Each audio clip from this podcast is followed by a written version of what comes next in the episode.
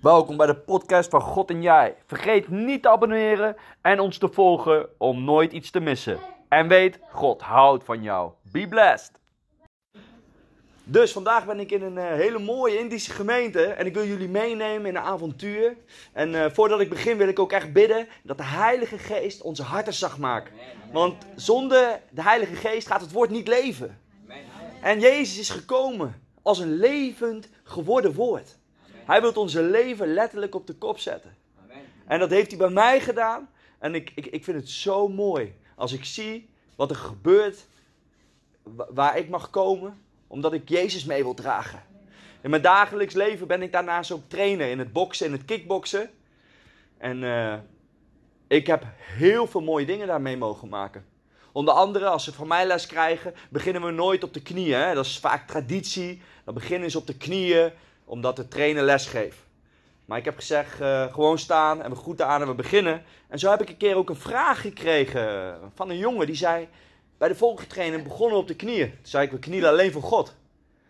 En dat vond hij heel mooi. was trouwens een moslimjongen. En die vond dat heel mooi. Dat ook een christen zo radicaal was. En verder ook steeds meer mensen komen uh, ja, vragen. Hé, hey, waarom geloof je in Jezus? Wat is dat? En dan kan je echt van hooligans van voetbal tot, tot advocaten maak ik mee. Tot ook bekende uh, vechters van het kickboksen of MMA. Die ik kan vertellen over hoe Jezus mijn leven heeft uh, veranderd. En wat hij zou willen en kunnen ook in hun levens. Wat is bekering? Nou, ik typte dat eens in in Wikipedia. En Wikipedia zegt er het volgende over. En dat vind ik zo mooi dat de wereld nooit antwoorden heeft. Maar de Bijbel heeft overal antwoorden op. Want uh, de wereld noemt dat dan uh, op volgens Wikipedia zo. Bekering is het overgaan of doen overgaan tot een andere godsdienst. Dit overgaan kan vanuit een vorige religie of vanuit agnosticisme. Voordat ik verder ga, moeilijk woord. Nou, wat is agnosticisme? Nou, eigenlijk zouden we dat vandaag de dag New Age bijvoorbeeld noemen. Dat zijn mensen die erkennen dat er wel een schepper moet zijn, dat er wel goden moeten zijn, maar niet specifiek één geloof. Dus ze mixen vaak van alles door elkaar wat hun uitkomt. Maar aan de andere kant kan ik die mensen ook begrijpen. Ik kom uit een ongelovig gezin en mijn moeder zei ook altijd. En mijn moeder is een heel lief mens, maar die zei altijd: geloof in jezelf. Niets komt vanzelf. Als jij ervoor wilt gaan, geloof daarin, je krijgt het. Zo ben ik opgevoed. En dat doen mensen als je God niet kent. Neem het eens kwalijk. En dan zie je ook dat wij mensen, wij zijn gewoon afgedwaald van Gods woord. Want het Oud Testament leert al. Vader, moeders, opa en oma's. Breng mijn woord door aan de kinderen. En als dat niet gebeurt, dan zien we wat er gebeuren. Dan gaan we geloven in onze eigen kracht. In het humanisme. Wat trouwens heel gevaarlijk kan zijn. Want humanisme schiet vaak door. Kijk maar wat vandaag de dag waar we in leven. Dat zelfs sommige kerken meedoen met bepaalde zondes, omdat het zo normaal is voor de wereld. Maar wij als kerk van Jezus Christus mogen staan voor het woord. En ook al leeft iemand in zonde, wij mogen de liefde laten zien van Jezus. Wij mogen bidden voor ze. En als zij hongerig worden, aangeraakt worden, dan krijgen zij ook een zondebesef. Dat kunnen wij niet doen. Maar dat kan de Heilige Geest. En dan heb je een open kanaal. Dan kunnen we praten met hen. Dan kunnen ze zich gaan bekeren van iets wat ze misschien moeten. Want laten we eerlijk zijn. We zijn allemaal mensen. En het is allemaal genade. Maar elke dag, wat? Elk moment moeten wij kiezen om Jezus te volgen. We kunnen zo weer in ons vlees schieten. Dat is zo makkelijk. Wij zijn niets beter dan de wereld. Maar we hebben wel iets wat de wereld beter kan maken. En de ogen van de wereld zijn op ons gericht. Dus alleen daar al mogen we weten, met een duur woord, dat we ambassadeurs zijn. En dat we dus deze, hè, dat moeilijke woord, ag agnosticisme, deze mensen staan open voor de waarheid. Deze mensen erkennen dat er een God is. Maar wie vertelt het hun? En dan kunnen we doen, hè, van ja, hè, dan gebruiken we zeg maar gewoon een, een, een woord uit de Bijbel. Gepast of ongepast, breng het evangelie. Maar dat is niet zo bedoeld om meteen te zeggen: hé, hey, hey, moet je bekeren. Nee, het is bedoeld om bij de Jood een Jood te zijn en bij de Griek een Griek, zegt Paulus. Met andere woorden, pas je aan de omgeving. Als ik, lessen geef in het kickboksen, dan maak ik ook mee dat mensen Hare Krishna's zijn of wetenschappers zijn of, of moslims zijn. Maar dat maakt helemaal niet uit voor Jezus. Jezus wil juist bij de mensen zijn die van hem moeten horen. Wat zei hij? Ik ben gekomen voor zondaren, want ik ben eigenlijk een dokter. Zoals een mens naar een dokter gaat voor genezing, zo ben ik gekomen voor de gebrokenen. Wij zijn allemaal gebroken. Maar Jezus kan ons helen. Jezus kan ons, kan ons kracht geven door zijn Heilige Geest, mits wij ons onderwerpen aan Hem. En het woord onderwerp heeft zo'n negatieve lading in de wereld. Maar als we ons onderwerpen aan God, dan is dat het grootste gebod in principe. Heb je naaste lief als jezelf en God boven alles. Als we God boven alles stellen, dan bid ik eerst voor mijn vrouw voordat ik een beslissing neem. Bid ik eerst voor mijn zoon, bid ik voor mezelf, bid ik voor alle kleine dingen. En omdat God nooit egoïstisch is, ga je het beste geven. Het beste doen. Misschien zegt God wel niet doen. En dan doe je het niet, omdat je niet meer naar jezelf wil luisteren, maar naar God. Maar dat is heel moeilijk, dat lezen we ook in de Bijbel. Abraham slaagde er zelfs niet in. Die kon niet wachten, die ging het voor God invullen en maakte in plaats van zijn beloofde zoon Ismaël. Dus we mogen heel eerlijk zijn. We mogen heel ontspannen zijn. We mogen met open armen de wereld vertellen wie God is. Maar als het aan ons geopenbaard is, dan moeten we niet meer water bij de wijn doen. Dan moeten we steeds meer wijn willen produceren. We moeten vruchtbaar willen zijn. En Paulus kan soms daarom streng zijn. Maar we weten allemaal dat Paulus het niet doet vanuit zichzelf, maar omdat hij aangewezen is door God. Omdat hij de wereld wil vertellen dat de Jezus hem heeft gered. En wat een getuigenis had Paulus. Ik ga straks, nu vertel ik eventjes zo heel snel. Straks ga ik een beetje weer vertellen wie, oh, wat hem overkwam. Dat is ongelooflijk. En zo is God begaan met iedereen hier. Ik wil ook echt vragen aan iedereen, als jij denkt, ja, hè, ik heb geen doorbraak voor iets, of wat dan ook. We hebben een relatie. Jij hoeft niet meer te werken. Jij hoeft niet dingen te doen. Jij mag dingen doen. Maar het is wel wijs als God tegen je zegt: ga vasten. Ga bidden. Dan is het aan jou om te luisteren of niet. Hij houdt evenveel van je als je niet luistert. Maar als je die doorbraak wil. Als je die groeisprint wil in je, in je leven. Als je die vrucht wilt, hè. Als je gesnoeid wil worden, wat pijnlijk doet, maar gebeurt. Zodat de vrucht groter kan worden, zoeter, sappiger kan worden. Dan moeten we vaak juist een training krijgen die minder leuk is. Want zoals goud gezuiverd wordt in het vuur, zo wordt ons geloof gezuiverd door beproevingen heen. En we geven soms echt heel snel de Satan de schuld. Hoewel eigenlijk God dat doet om jou te zuiveren. Om van jou nog iets kostbaarder te maken op deze aarde. Wij mensen die Christus hebben gevonden, leven niet meer voor onszelf, maar we leven als een hemelburger. We leven niet meer naar ons vlees, maar we leven naar de geest. Zoals alle apostelen hun leven op een gegeven moment konden geven. Dat is bekering. Wow, ik, ik denk niet dat ik dat nog kan. Nu, op dit moment. Daar heb ik echt nog training voor nodig. Maar alle apostelen van Jezus Christus konden gewoon hun leven geven. Net als Jezus dat deed voor mensen die ze niet kenden. Om het evangelie te vertellen. En dat is heel bijzonder. En God wil heel graag dat we zo'n gebed uitspreken, hoe eng die ook is. Maar God, de Vader in de hemel, is ook zo lief dat hij ons eerst gaat trainen, ons gaat beproeven, ons gaat helpen, ons gaat kijken of we het aan kunnen. En soms gaan we vraagtekens krijgen van ik kan het niet. En dat is nodig. Want we weten het misschien allemaal wel, als we graag iets willen hebben in de wereld, een nieuwe auto, dan moeten we heel lang misschien wel voor sparen. Dan heb je er hard voor gewerkt. Dan heb je dingen misschien voor gelaten, omdat je weet, nee, ik wil een nieuwe auto. Maar als je dan die auto kan kopen, dan ben je daar zo blij mee. Ben je er misschien wel extra zuinig mee. Ga je hem elke week poetsen, elke week stofzuigen. Misschien huur je wel een garage zodat die droog staat. Maar zo is het ook. Als wij in Jezus gaan geloven. Het is zo kostbaar dat we, dat we, dat we dwars door smat en alles, onze zondes op een gegeven moment kwijt zijn. En dat we ook niet meer willen zondigen. En dat komt niet omdat we het niet kunnen, omdat het kostbaar is geworden. Omdat we weten, Jezus heeft ons verlost hiervan. Hij kan het echt. En misschien vallen we weer een keer. Maar dan staan we weer op. Want dat gebeurt.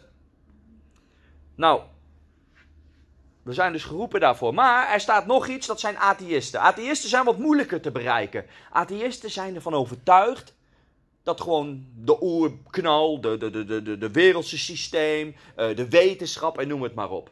Die zijn moeilijker te bereiken. Maar ook zij zijn te bereiken. Dus zeg nooit dat geen mens onbereikbaar is. Want waarom? Elk mens is in principe een potentieel christen. Want God heeft geen mis, uh, mistakes gemaakt. Heeft geen vergissingen gemaakt. Elk mens die geboren is, daar is een strijd voor.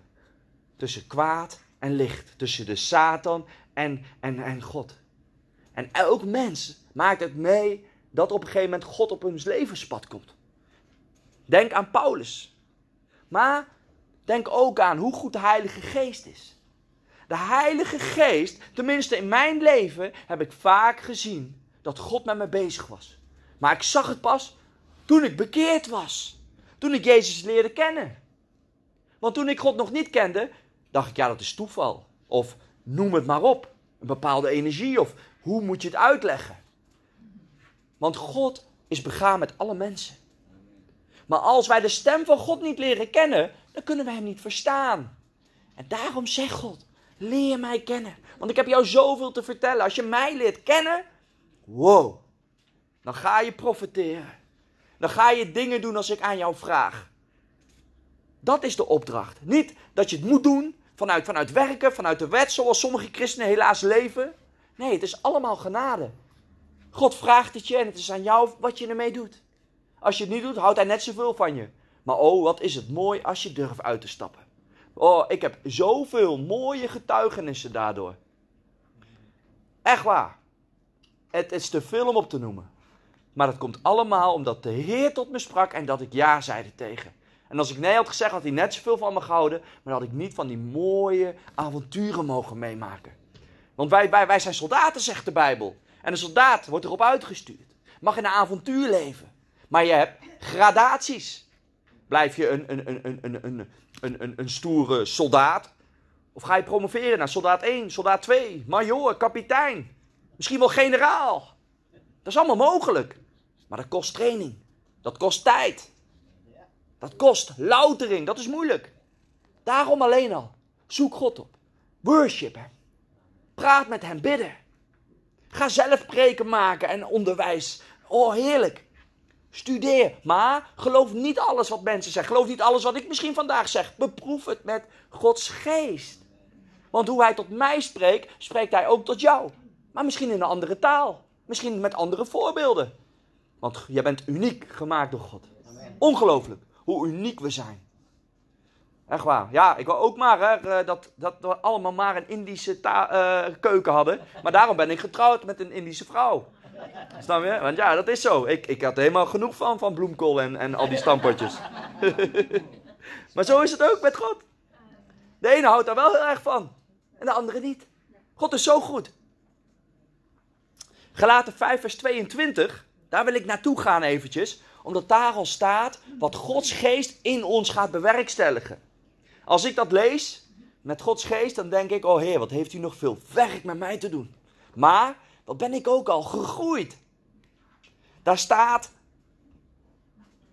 maar de Heilige Geest brengt ons tot betere dingen. Liefde, blijdschap, vrede, geduld, vriendelijkheid, mildheid, trouw, tederheid en zelfbeheersing. En dan zegt de Bijbel, het woord van God verder, er is geen wet die zulke dingen veroordeelt. Wie bij Jezus Christus hoort, heeft met zijn oude natuur en begeerten afgerekend. Die zijn aan het kruis geslagen. Als de geest ons nieuw leven heeft gegeven, moeten wij ons ook in alle opzichten door de geest laten leiden. Laten we niet hoog over onszelf opgeven, want daarmee lokken wij alleen maar rivaliteit en jaloezie uit. Daarom net de inleiding. We zijn maar mensen. Ondanks door de genade waar wij misschien nu al zijn, we zijn allemaal begonnen, net als als je achter een irritante lesauto zit. Ja, zo was jij ook. En dachten de mensen ook die achter je aan zaten. Poeh. Als ik achter een lesauto zit die afslaat en... Oh, dan denk ik ook, ja, Edward, zo ben jij ook begonnen. Maar zo is het ook met onze broeders en zusters die net tot geloof zijn. Je kan niet verwachten dat iemand meteen stopt met roken of wat dan ook. Als die zo lang gebonden is aan die, aan die zonde. En bij de ene doet God wel dit. Maar ik denk dat dat niet vaak gebeurt. En waarom niet? Omdat zo iemand moet weten. Wanneer je echt stopt samen met God. Dan wordt je geloof opgebouwd. Dan zie je hoe groot God is. Wat? Ik heb al tien keer proberen stoppen met roken, zegt die persoon. Maar nu ik het samen met de Heer heb gedaan, is het geluk. En ik getuig niet over wat vijf jaar geleden is gebeurd. Dat zijn grote getuigenissen, dat moeten we niet onderschatten. En zo heb je nog veel meer, van drugs tot andere verslavingen. Als we het samen doen met de Heer, wil het niet zeggen dat het makkelijk is. Maar God pakt jou bij de hand en je hebt kracht. Door de genade van Jezus Christus. Door de liefde van God en de intimiteit van de Heilige Geest.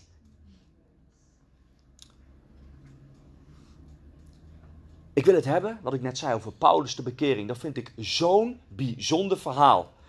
Ik ga straks lezen uit Handelingen 9, vers 1 tot en met 9. Wat er dan gebeurt. Maar deze Paulus, die hield gewoon de jassen van toen Stefanus gestenigd werd.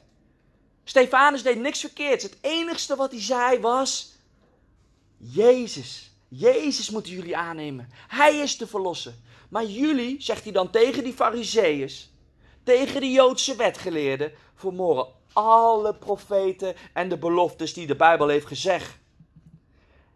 En dan worden ze zo boos op deze Stefanus dat ze hem de doodstraf geven. Ik heb dat wel eens gelezen en dacht ik, als Stefanus dit niet had gezegd, dan had hij waarschijnlijk die zweepslagen gekregen, gevangenisstraf en verder. Ja, nooit meer erover praten, klaar. Maar hij was zo vol van de Heilige Geest dat hij zijn leven wilde geven. Dat lezen we ook, hè, wanneer hij daar was zagen de mensen eh, een soort van engel in hem. En toen hij gestenigd werd, toen zag hij gewoon Jezus naast God. Maar Paulus hield wel de jassen vast. Deze, die toen nog Saulus heette, hè? zijn naam werd veranderd. Saulus, dat betekent groot. En Paulus betekent klein, nietig. Moet je nagaan, onze namen, en misschien is dat ook zo in de Indische cultuur, dat weet ik niet. Maar in de Arabische cultuur is dat heel belangrijk. Je geeft niet zomaar je kind een naam. Daar rust een belofte op. En dat is ook zo. We zien in de Bijbel door namen veranderen. God heeft vele namen, vele titels. Maar Jezus heeft zijn naam bekendgemaakt. En dat is Abba, Vader. Dat is voor geen religie zo. Dat is alleen voor ons christenen. Ergens anders noemen ze hem Allah, wat ook God betekent, een titel. Of Elohim, wat ook God is. Maar wij mogen hem echt vanuit relatie papa, vader noemen. Dat is echt bijzonder. Dat is echt bijzonder. Hij is jouw papa door Jezus. De verzoening. We zijn kinderen. En Paulus was een hele fanatieke eh, vervolger die in Jezus geloofde. Zo fanatiek dat hij dacht dat hij van God de mensen moest vermoorden. Kinderen, vrouwen, mensen in de gevangenis moest zetten. Hun het zwijgen opleggen. Tot dat moment wat ik nu ga voorlezen in Handelingen 9, vers 1 tot 9.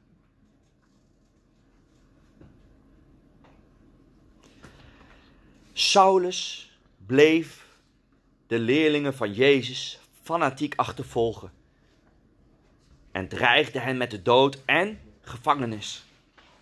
Hij ging naar de hoge priester en vroeg om een aanbevelingsbrief voor de synagoge in Damascus, een stad waar veel Joden woonden. Hij wilde daar mannen en vrouwen opsporen die in Jezus geloofden, hen in de boeien slaan en naar Jeruzalem brengen. Hij kreeg die brieven en ging op weg. Maar toen hij in de buurt van Damascus kwam, flitste er plotseling een licht vanuit de hemel dat hem omstraalde. Hij viel op de grond en hoorde een stem. Saul, Saul, waarom vervolgt u mij? Wie bent u, heren? Vroeg Saulus. Ik ben Jezus, zei de stem, die u zo fanatiek vervolgt. Sta op en ga de stad in. Daar zal u gezegd worden wat u moet doen. De mannen die met Saulus meereisden, waren met stomheid geslagen. Ze hadden de stem wel gehoord, maar niemand gezien. Saulus stond op, deed zijn ogen open, maar kon niets meer zien. De mannen die bij hem, met stomheid geslagen, Oh nee, dat heb ik al gelezen, sorry. De mannen die bij hem waren, namen hem bij de hand en brachten hem naar Damascus. Drie dagen lang kon hij niets zien. Al die tijd at en dronk hij niets. Nou, daarna weten we allemaal, hè, dan krijgt iemand een visioen die die Saulus zal zien, die ook met stomheid geslagen is. Hè? Moet ik hem gaan genezen? Hij vervolgt ons, dit kan nooit waar zijn, hij was berucht. Iedereen die in Jezus geloofde waren bang voor die Saulus. En God koos hem uit. De grootste apostel misschien wel, die wij kennen van het Nieuw Testament. Die niet alleen in Israël bleef, maar zo ver mogelijk in de wereld trok. Was gewoon een moordenaar. Was een verschrikkelijk iemand. Ik denk dan als ik dat lees, misschien dat we allemaal eh, straks heel verbaasd zijn als we de hemel binnenkomen. Als we zien wie daar zijn. Dat we dachten, die had echt in de hel moeten zijn. Weet je wel? Zo'n goede vader hebben we, dat kunnen we ons niet voorstellen. God is zo genadevol. Dat wij niet kunnen begrijpen wat God in mensenlevens doet. Deze Saulus wordt een Paulus. En wordt, hij gaat geschiedenis schrijven. Tot de dag van vandaag is hij een van de grootste Bijbelleraren die ons inspireert. Die het meest heeft geschreven in het Nieuw Testament. Dat is al een wonder, toch? Dat is onze God. Onze God maakt van de slechtste mensen goede mensen. Ik heb zo'n t-shirt, die heb ik vandaag niet aan. Maar daar zitten dan van die superhelden op. En in het midden zit Jezus. En Jezus zegt dan, met zo'n stripwolkje. Uh, uh, And that's how I save the world. En zo redde ik de wereld. Voor mij betekent dat iets. Voor mij betekent dat. Als wij naar die films wel eens hebben gezien of hebben gekeken van Marvel.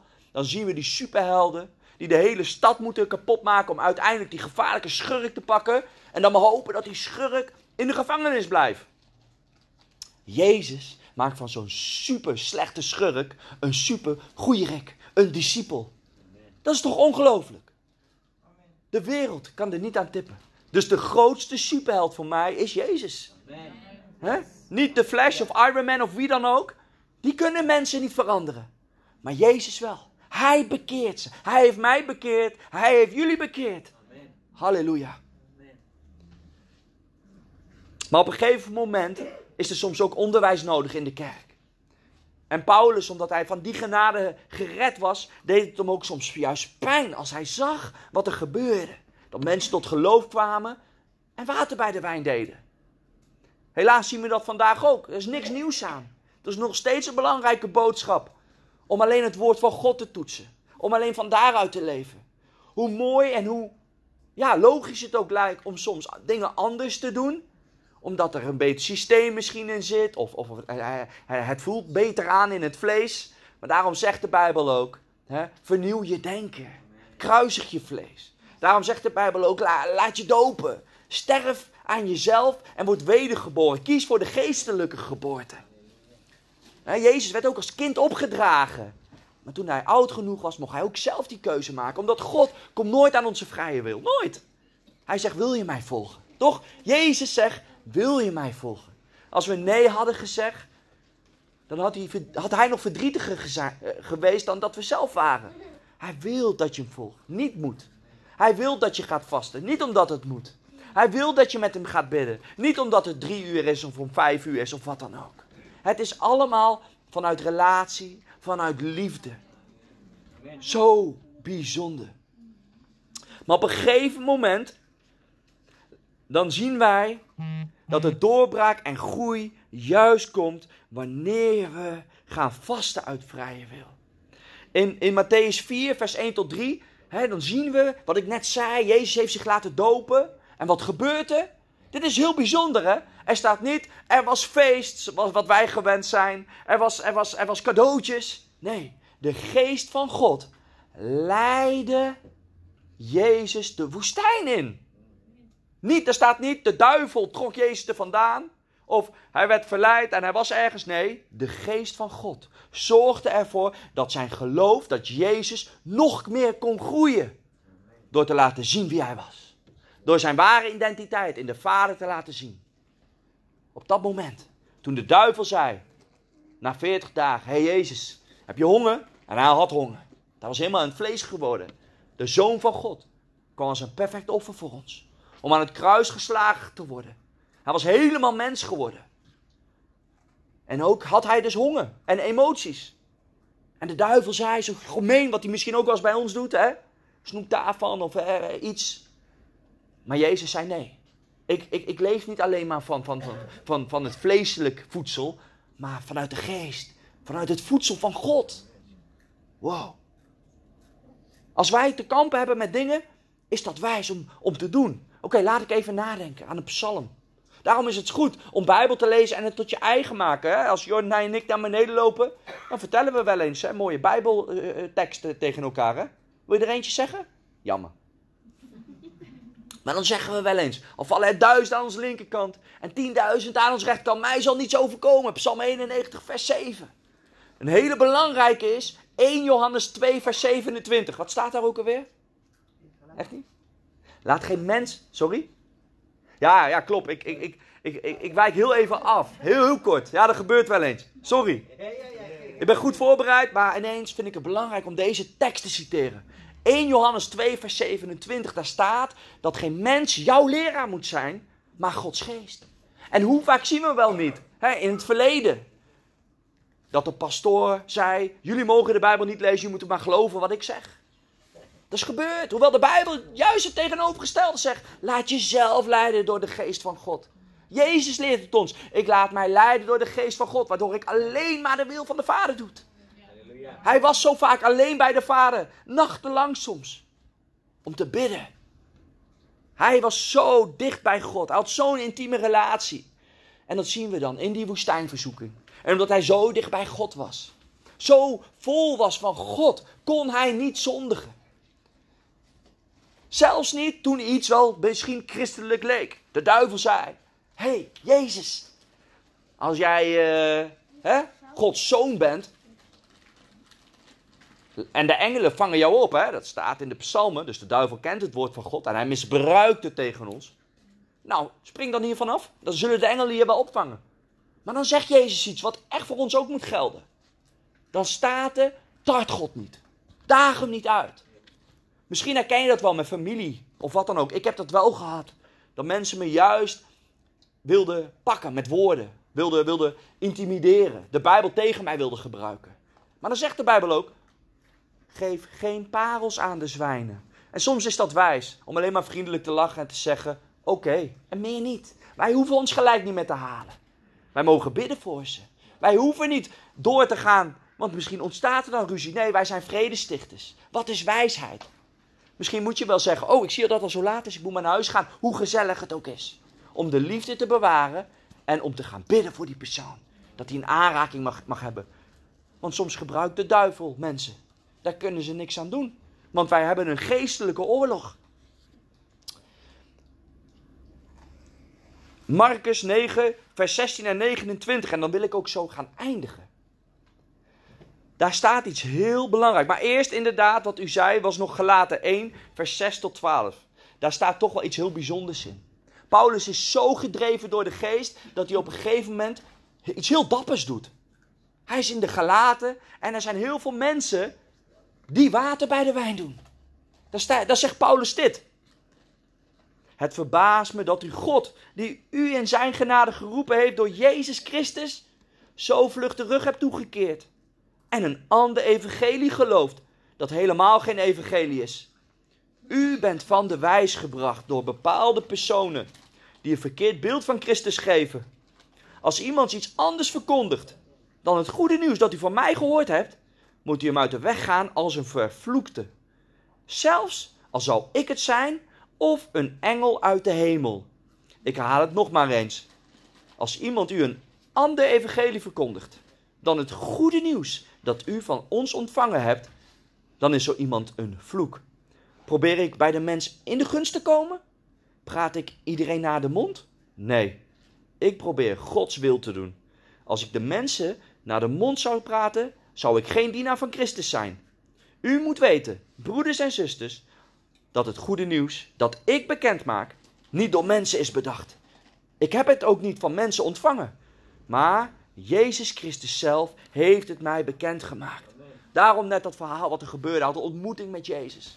God had hem op het oog en wist hoe moeilijk persoon het was. Wonderen en tekenen kwamen zijn kant op om zijn geloof te sterken.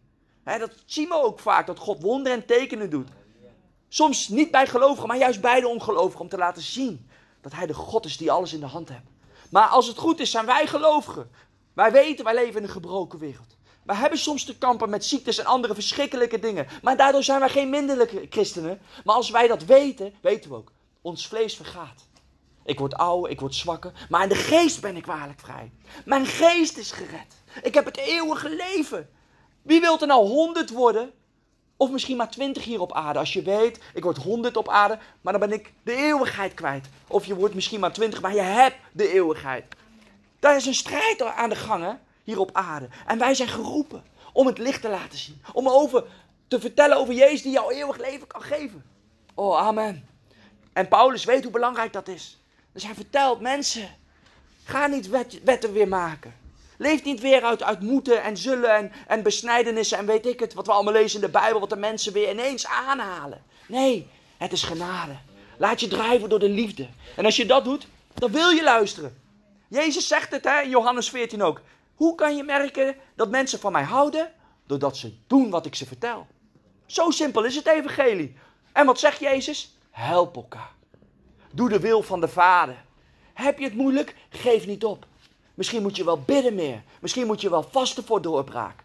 Als je het niet doet, ik hou nog steeds van je. Je bent nog steeds gered. Maar als je zo vol bent van God, dan wil je de stad op. Op een fontein staan om over Jezus te praten. Dan wil je, als je weet dat iemand problemen hebt, voor die persoon bidden. En misschien wel samen met die persoon bidden. Waarom? Omdat je weet dat je een God hebt die zoveel kan betekenen voor zo'n mens, voor zo'n persoon. Oké, ik, ik ga naar het einde toe. En dan wil ik nog een stuk overdenking meegeven vanuit Marcus 9, vers 16 tot 29. Daar staat iets heel moois in, vind ik. Want voordat ik het lees, wil ik een paar dingen opnoemen, zodat je misschien stilstaat erbij als ik het voorlees. We komen een vader tegen die geen geloof meer heeft. En zelfs aan Jezus vraag, hoewel Jezus al veel wonderen en tekenen had gedaan, kunt u dat? En dan denk ik dat Jezus, zoals hij ook tegen ons soms doet, hey, even rustig, ik hou van jou, maar je vraagt aan mij of ik het kan, wat denk je zelf? Nou, ik denk dat het ons allemaal wel is overkomen dat je denkt, dit lukt niet. Daarom zegt God zo vaak, wat bij de mensen mogelijk is, mogelijk bij mij. En dan moet Jezus soms wel even tegen je zeggen, hey, geef niet op. Doe eens normaal. Ik ben de God van wonderen. Ik kan jou doorbraak geven. Maar jij moet niet stoppen. Zoals Daniel 21 dagen lang moest vasten. Omdat er een strijd was in de hemelse gewesten. Dat is ook in jouw leven aan de hand hoor. De duivel haat ons. Hij haat jou al.